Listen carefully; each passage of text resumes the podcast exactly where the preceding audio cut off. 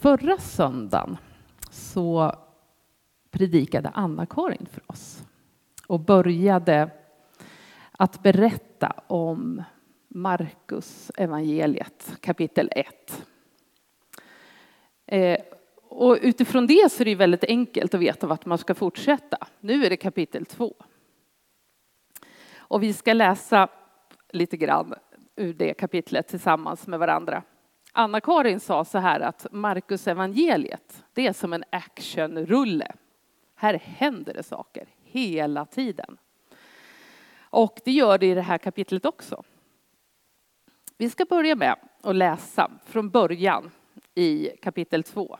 Vers 1 till 5 eh, och så fortsätter vi där berättelsen fortsätter. Jag ska återkomma till det där i mitten sen. Eh, 1 till 5 och 11 till 12. Några dagar senare kom Jesus tillbaka till Kapernaum. När man fick höra att han var hemma samlades så många att de inte längre fick, fick plats ens utanför dörren. Och han förkunnade ordet för dem. Då kom man till honom med en förlamad som bars av fyra män. När de för folkmassans skull inte kunde komma fram med honom till Jesus, då tog de bort taket över platsen där han var. De gjorde en öppning och sänkte ner bädden som den lame låg på. Jesus såg deras tro och sa till den lame, mitt barn, dina synder är förlåtna. Res dig, ta din bädd och gå hem. Då reste mannen sig upp och genast tog han sin bädd och gick ut inför ögonen på dem alla. Och alla blev utom sig av häpnad och prisade Gud och sa, vi har aldrig sett något liknande.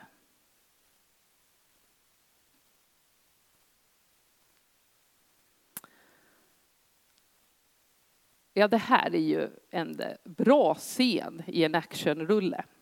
Och det är en berättelse som vi ofta använder i söndagsskolan och i andra sammanhang.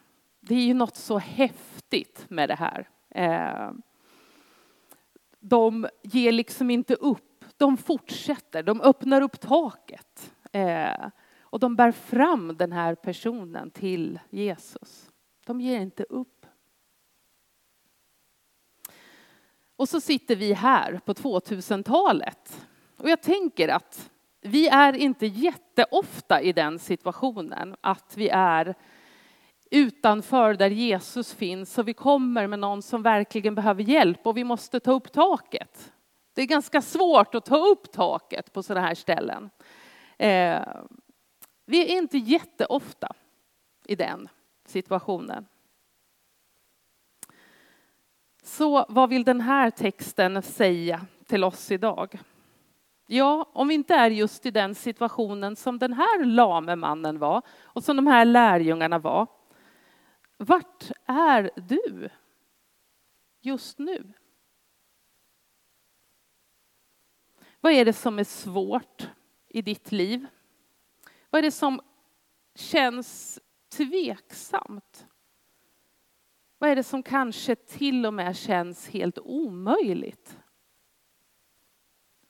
Vad är det som du suckar för?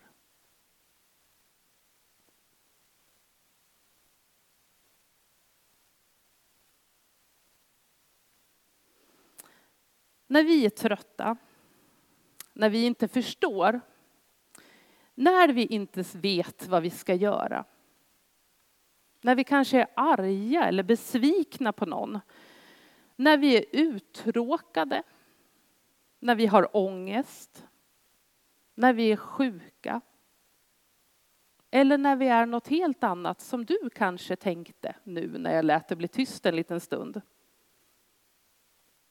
När det är så, då finns det hjälp och kraft att hämta hos Jesus.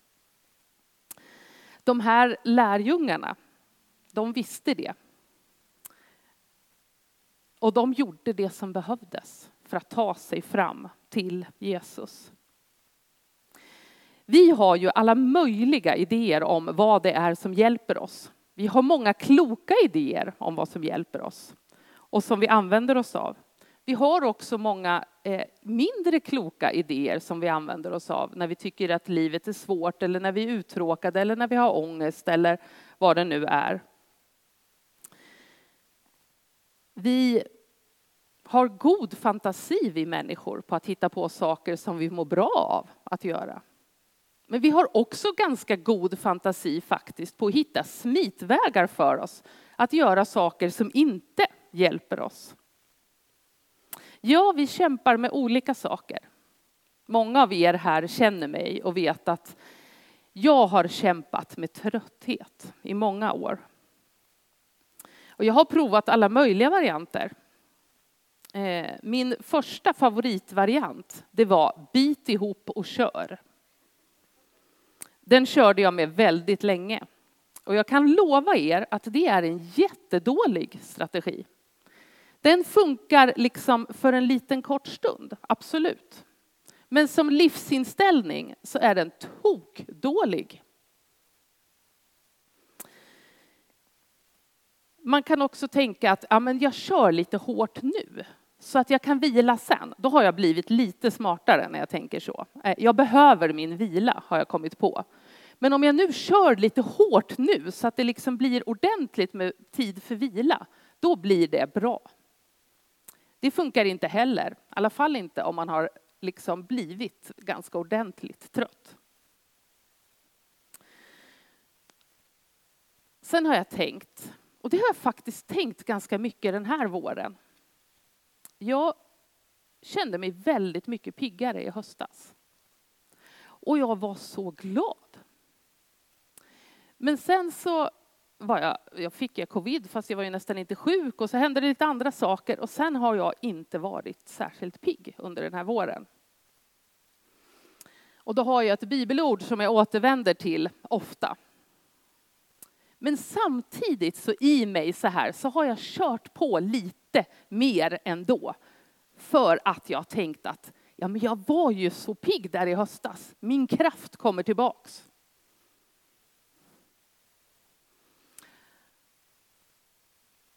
Och så återkommer jag till det här bibelordet som jag brukar läsa. Från Jesaja kapitel 40, vers 28 till 31. Har du inte förstått? Herren är en evig Gud. Han har skapat hela jorden. Han blir inte trött. Han mattas inte. Ingen pejlar djupet av hans vishet. Han ger den trötte kraft, den svage får ny styrka.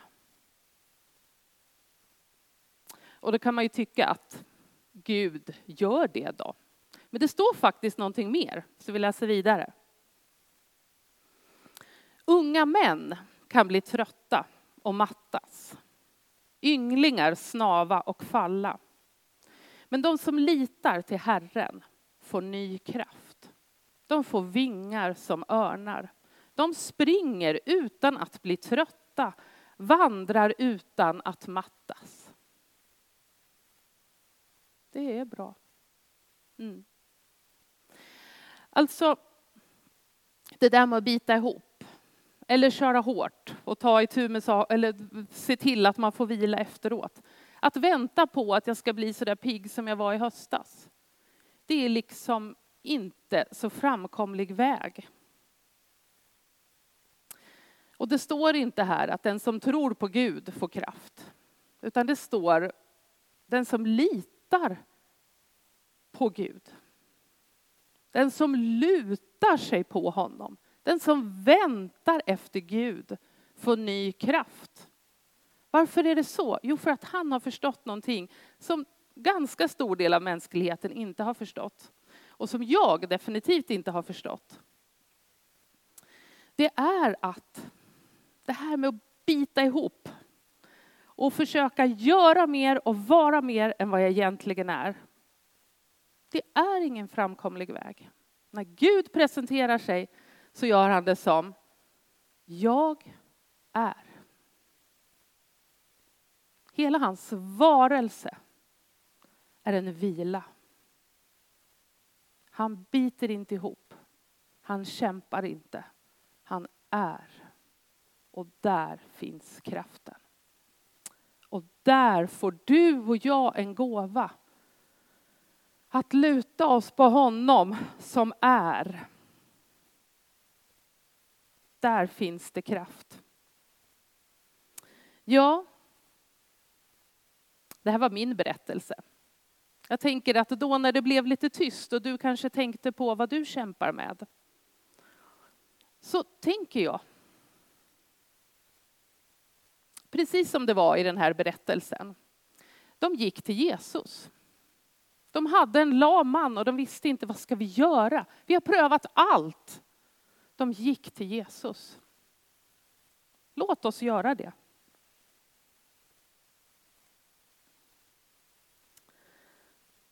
Det var den första punkten. De brukar säga att man ska ha tre punkter i predikningar och det brukar inte jag ha, fast idag har jag det. Det var första punkten. Vi får vända oss till Gud som vill ge oss det vi behöver, som vill hjälpa oss vidare i livet. Nu kommer vi till punkt två. Den här berättelsen som jag läste jag tänker att vi skulle kunna hålla en hel predikoserie bara om den. För det finns så många bottnar i den berättelsen som säger oss så mycket om vad det är att vara människa. Men eh, jag tänkte, ja, det är någon som kommer hem till mig strax efter två nu i eftermiddag, så att jag tänker inte göra det nu, utan eh, vi, vi, tar, vi tar en lite kortare variant. Och så kanske vi får återkomma till den här texten fler gånger. Men i den här texten så finns det många människor. Det finns den person som får bli buren. Och så finns det människor som bär. Och så finns Jesus där som hjälper. Det finns också en massa människor som står runt omkring och tycker. De ska vi återkomma till, det är punkt tre. Nu vet ni hur det blir det här. Men så här är det. Det finns dagar när du behöver få bli buren. Och så finns det dagar när du få vara med och bära. Och så finns det dagar när du får vara Jesus sändebud och hjälpa. Jag tänker att det handlar om när vi får be för varandra. Men jag tänker att det handlar om så många mer saker. Allt det där goda som görs på den här jorden. Och jag kan inte låta bli att säga det just nu. Men han som tänker att jag vill starta ett gym där man ska må bra och vara glad och få bli eh, frisk och hel som människa. Visst är det fantastiskt? Sånt kan unga människor få för sig att göra och genomföra. Och vill ni veta vem det är så kan jag göra reklam efteråt, för han är här.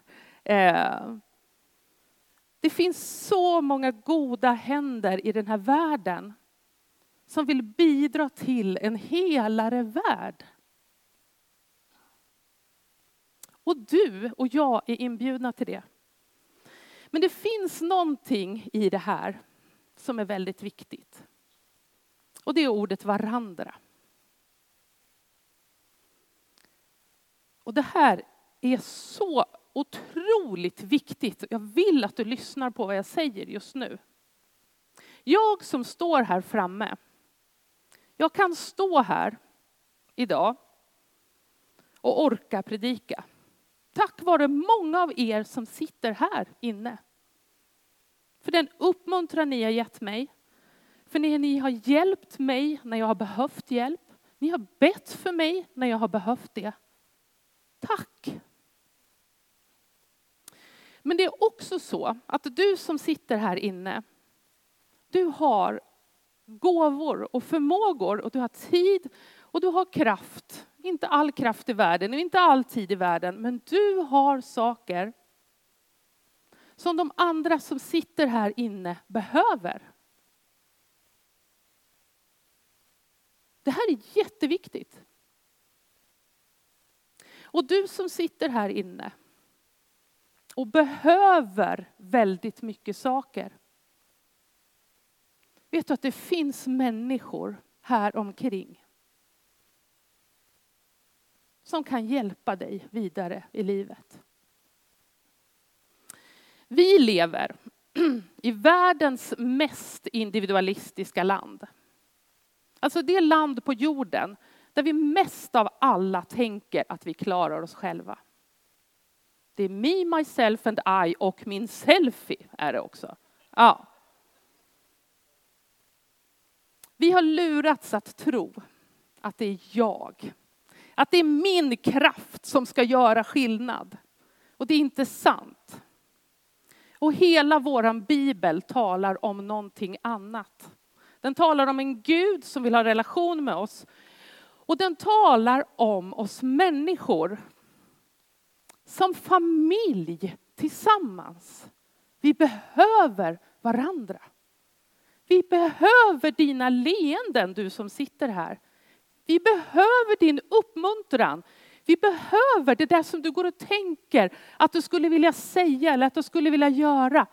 Vi behöver dig. Den här världen behöver dig. Den här mannen som blev helad, han hade aldrig blivit helad om det inte vore för åtminstone fyra starka personer som tar honom och bär honom fram till Jesus. Du behöver bli buren ibland. Och du behöver, och vi behöver, att du är med och bär. Och vi behöver att vi gör som Jesus gjorde som exempel. Att vi sträcker ut våra händer till varandra och hjälper varandra.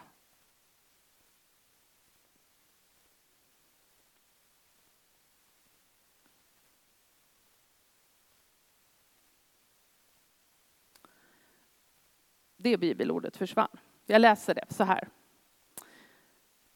Från Efesierbrevet. Gud låter hela kroppen fogas samman och hållas ihop genom att alla leder hjälper och stöder med just den kraft han ger åt varje särskild del. Då växer hela kroppen till och byggs upp i kärlek. Hörni, det är oss det står om där. Tillsammans, hörni. Tillsammans.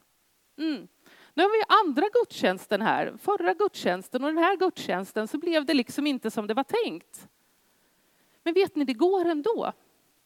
Därför att allting blir inte alltid som vi har tänkt. Och då kommer vi in på punkt tre. Och då så ska jag göra en snabb resumé. Och jag har skrivit ner den här därför att jag tycker att det här är väldigt intressant. Ehm, I den här i den här sammanfattningen så skriver jag skriftlärda och det står lite olika i texten. Eh, skriftlärda eller de skriftlärda inom fariseerna eller fariseerna. Eh, och för mig som icke-teolog så tänker jag att det här var människor som var upplyfta i samhället, som kunde väldigt mycket, som kunde väldigt mycket om tron och om Gud. Det var de här människorna. Så här går kapitel 2. Det börjar med det som vi läste. Jesus undervisar och det är jättetrångt och de lyfter ner den här mannen genom taket. Och så hoppade jag över några verser där. För där var den första av de här diskussionerna med de skriftlärde. Ja, men får han göra så där och hur blir det här egentligen? Och, ja, så. Eh, sen så i nästa del i kapitel 2 så kallar Jesus Levi honom som vi sen känner som Matteus. Och så går han hem med honom och äter hos honom. Och Levi, han, var ju, han samarbetade ju med ockupationsmakten. Honom gillade man ju inte. Alltså var ju hans umgänge massor med människor som man inte gillade. Man tyckte de var dåliga, man tyckte att de hade gett upp, man tyckte att de stal mer pengar än vad de skulle. Allt möjligt. Det här var dåliga människor. Jesus går hem till honom och träffar alla de här människorna och äter med dem. Då blir det diskussioner. Ska han som pratar om Gud vara bland de där människorna? Va? Är det rimligt?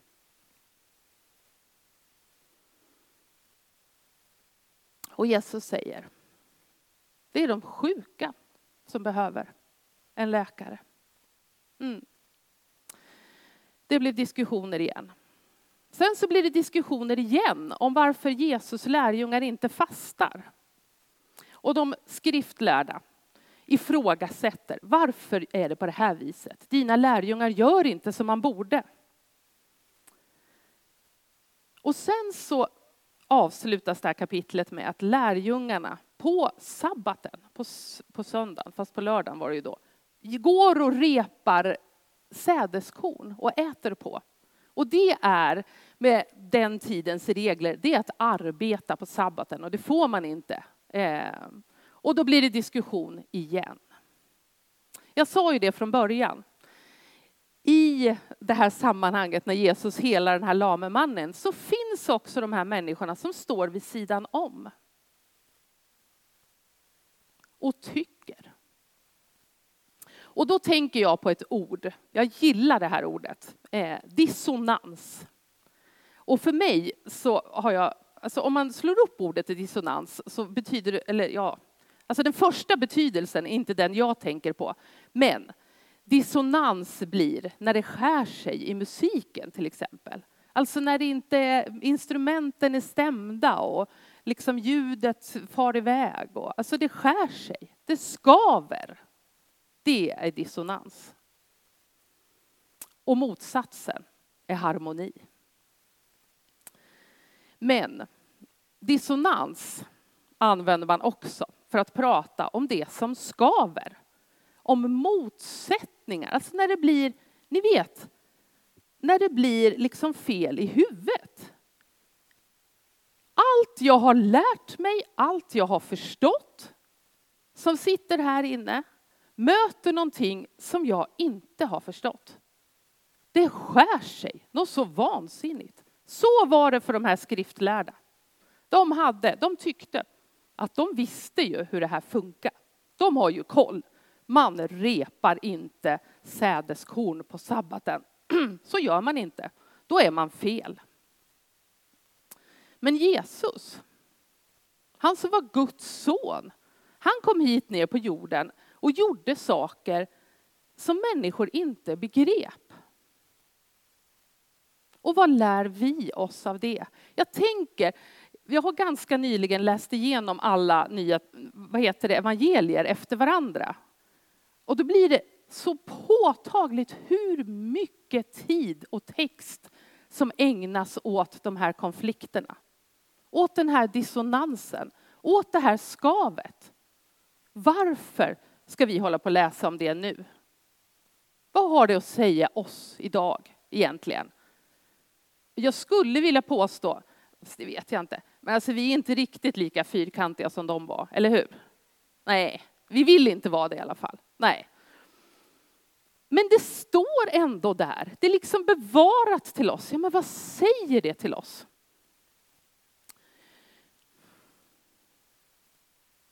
Jag tänker att det säger till oss att det finns så mycket mer. Hörni. När vi tror att vi har förstått och liksom fått oss en liksom uppfattning om hur saker är, hörni, så finns det så mycket mer. Om du tycker att livet är lite mycket vardag, ganska tråkigt, ganska mycket av det här, liksom gå upp på morgonen och gå till jobbet och försöka få ihop någon mat och försöka få undan den där disken och liksom väldigt mycket vardag. Då behöver du lite mer skav i tillvaron som talar om för dig att det finns mer. Mm. Och jag tänker att det finns jättemånga människor som har kommit fram till att Gud finns inte. Det har jag också gjort. Men eh, han liksom fortsatte skava i mitt liv. Och han är inte någon slags, eh, vad heter det, trosbekännelse som jag kan stoppa i en låda. Jag har försökt med det och jag tror att många av oss har försökt med det. Ja, men så här är det. Så här tror vi. Mm. Och så upptäcker vi att Gud är inte en idé. För när det skaver i mig, då kommer han och tar mig i handen. Och så går vi tillsammans. För det är det det handlar om. Och jag tror det är det, i alla fall en av anledningarna till varför vi behöver läsa om det här om och om igen. Hur människor med färdiga föreställningar om hur det är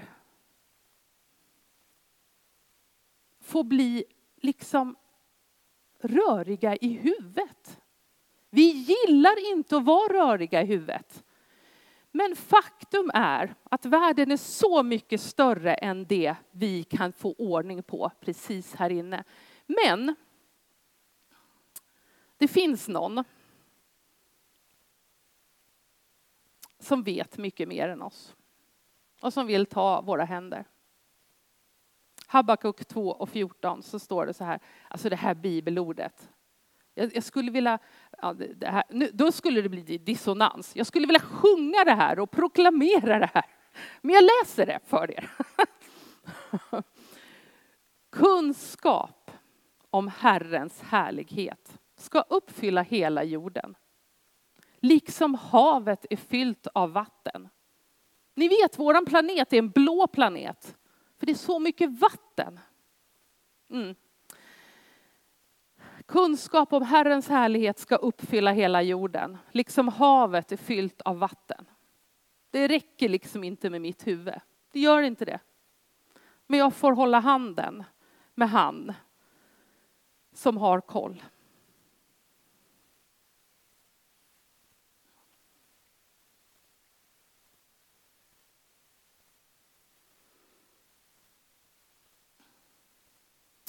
Om vi följer Gud. Om vi börjar prata med honom. Alltså man kan ju prata lite med honom även om man inte ens tror att han finns faktiskt. Man kan börja och pröva, göra det. Eh, då kommer vi bli rubbade i våra cirklar. Vi kommer bli förvånade. Vi kommer få ändra inställning. Men inget av det är faktiskt farligt. Det känns farligt, det känns jobbigt, det känns svårt. Men jag skulle vilja påstå att det är början på ett liv som är så mycket mer äventyr än vad någon av oss kan förstå.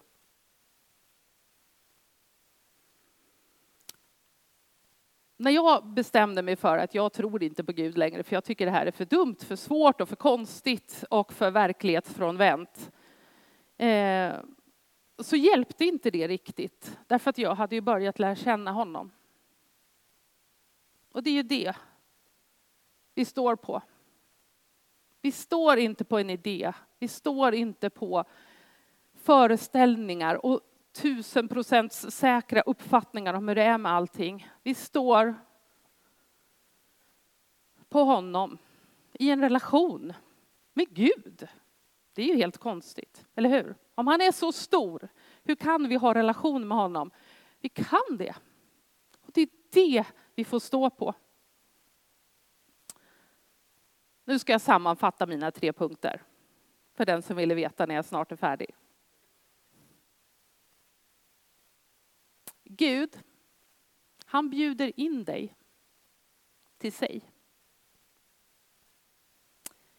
Det som du kämpar med, han vill hjälpa dig.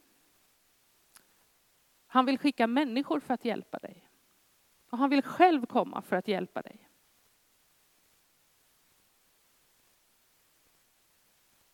Och så den andra punkten. Vi behöver varandra. Jag behöver dig. Du behöver mig, kanske. Ni som sitter här inne, vi som går på den här jorden, vi behöver varandra. Och så den tredje punkten. Om vi vågar vara öppna så finns det så mycket mer att upptäcka. Och det där finns det ju hela vetenskaper kring. Det är, en, det är en psykologisk sanning. Vi styrs av väldigt mycket förutfattade meningar. Om vi vågar släppa dem så blir världen mycket större. Det vet vi av forskning. Men vi vet också av erfarenhet och vi vet av vad vi har läst i Guds ord. Det finns så mycket mer att upptäcka när vi får öppna vår dörr för Gud.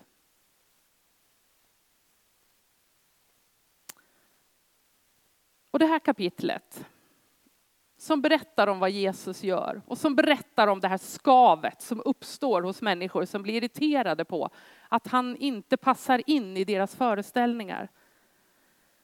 Den påminner oss igen om att det handlar om relation.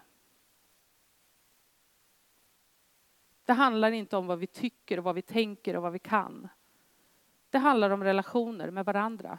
Men det handlar om relation med Gud.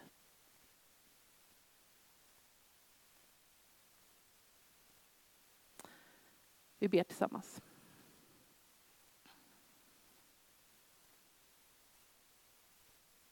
Gud, det är så mycket som vi inte förstår. Och när vi läser ditt ord och när vi möter dig i kyrkan eller i andra sammanhang, Gud, så är det också mycket saker vi inte förstår. Men precis som vi sjöng förut, Gud, så har vi fått förstå att du är god. Att du vill oss väl. Att du vill öppna upp livet för oss. Livet i dess fullo, Gud.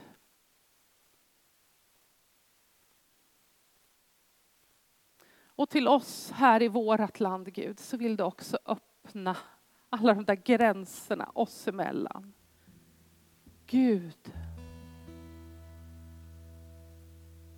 Hjälp oss att sluta leva med stängda dörrar.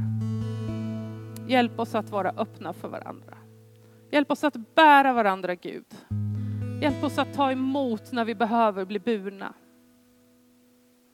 Hjälp oss att vända oss till dig, Gud. Hjälp oss att luta oss på dig. Du som vet hur man lever och skapar och finns i ett helt universum som är utan gräns. Gud, hjälp oss att luta oss på dig. Hjälp oss att luta oss så mycket mer på dig och så mycket mindre på alla våra idéer om all, allting, Gud. Tack för att du är här. Tack för att du är här och vill möta oss, varenda en av oss. Precis där vi är i det som livet är. Vi är här Gud, för vi vill vara med dig.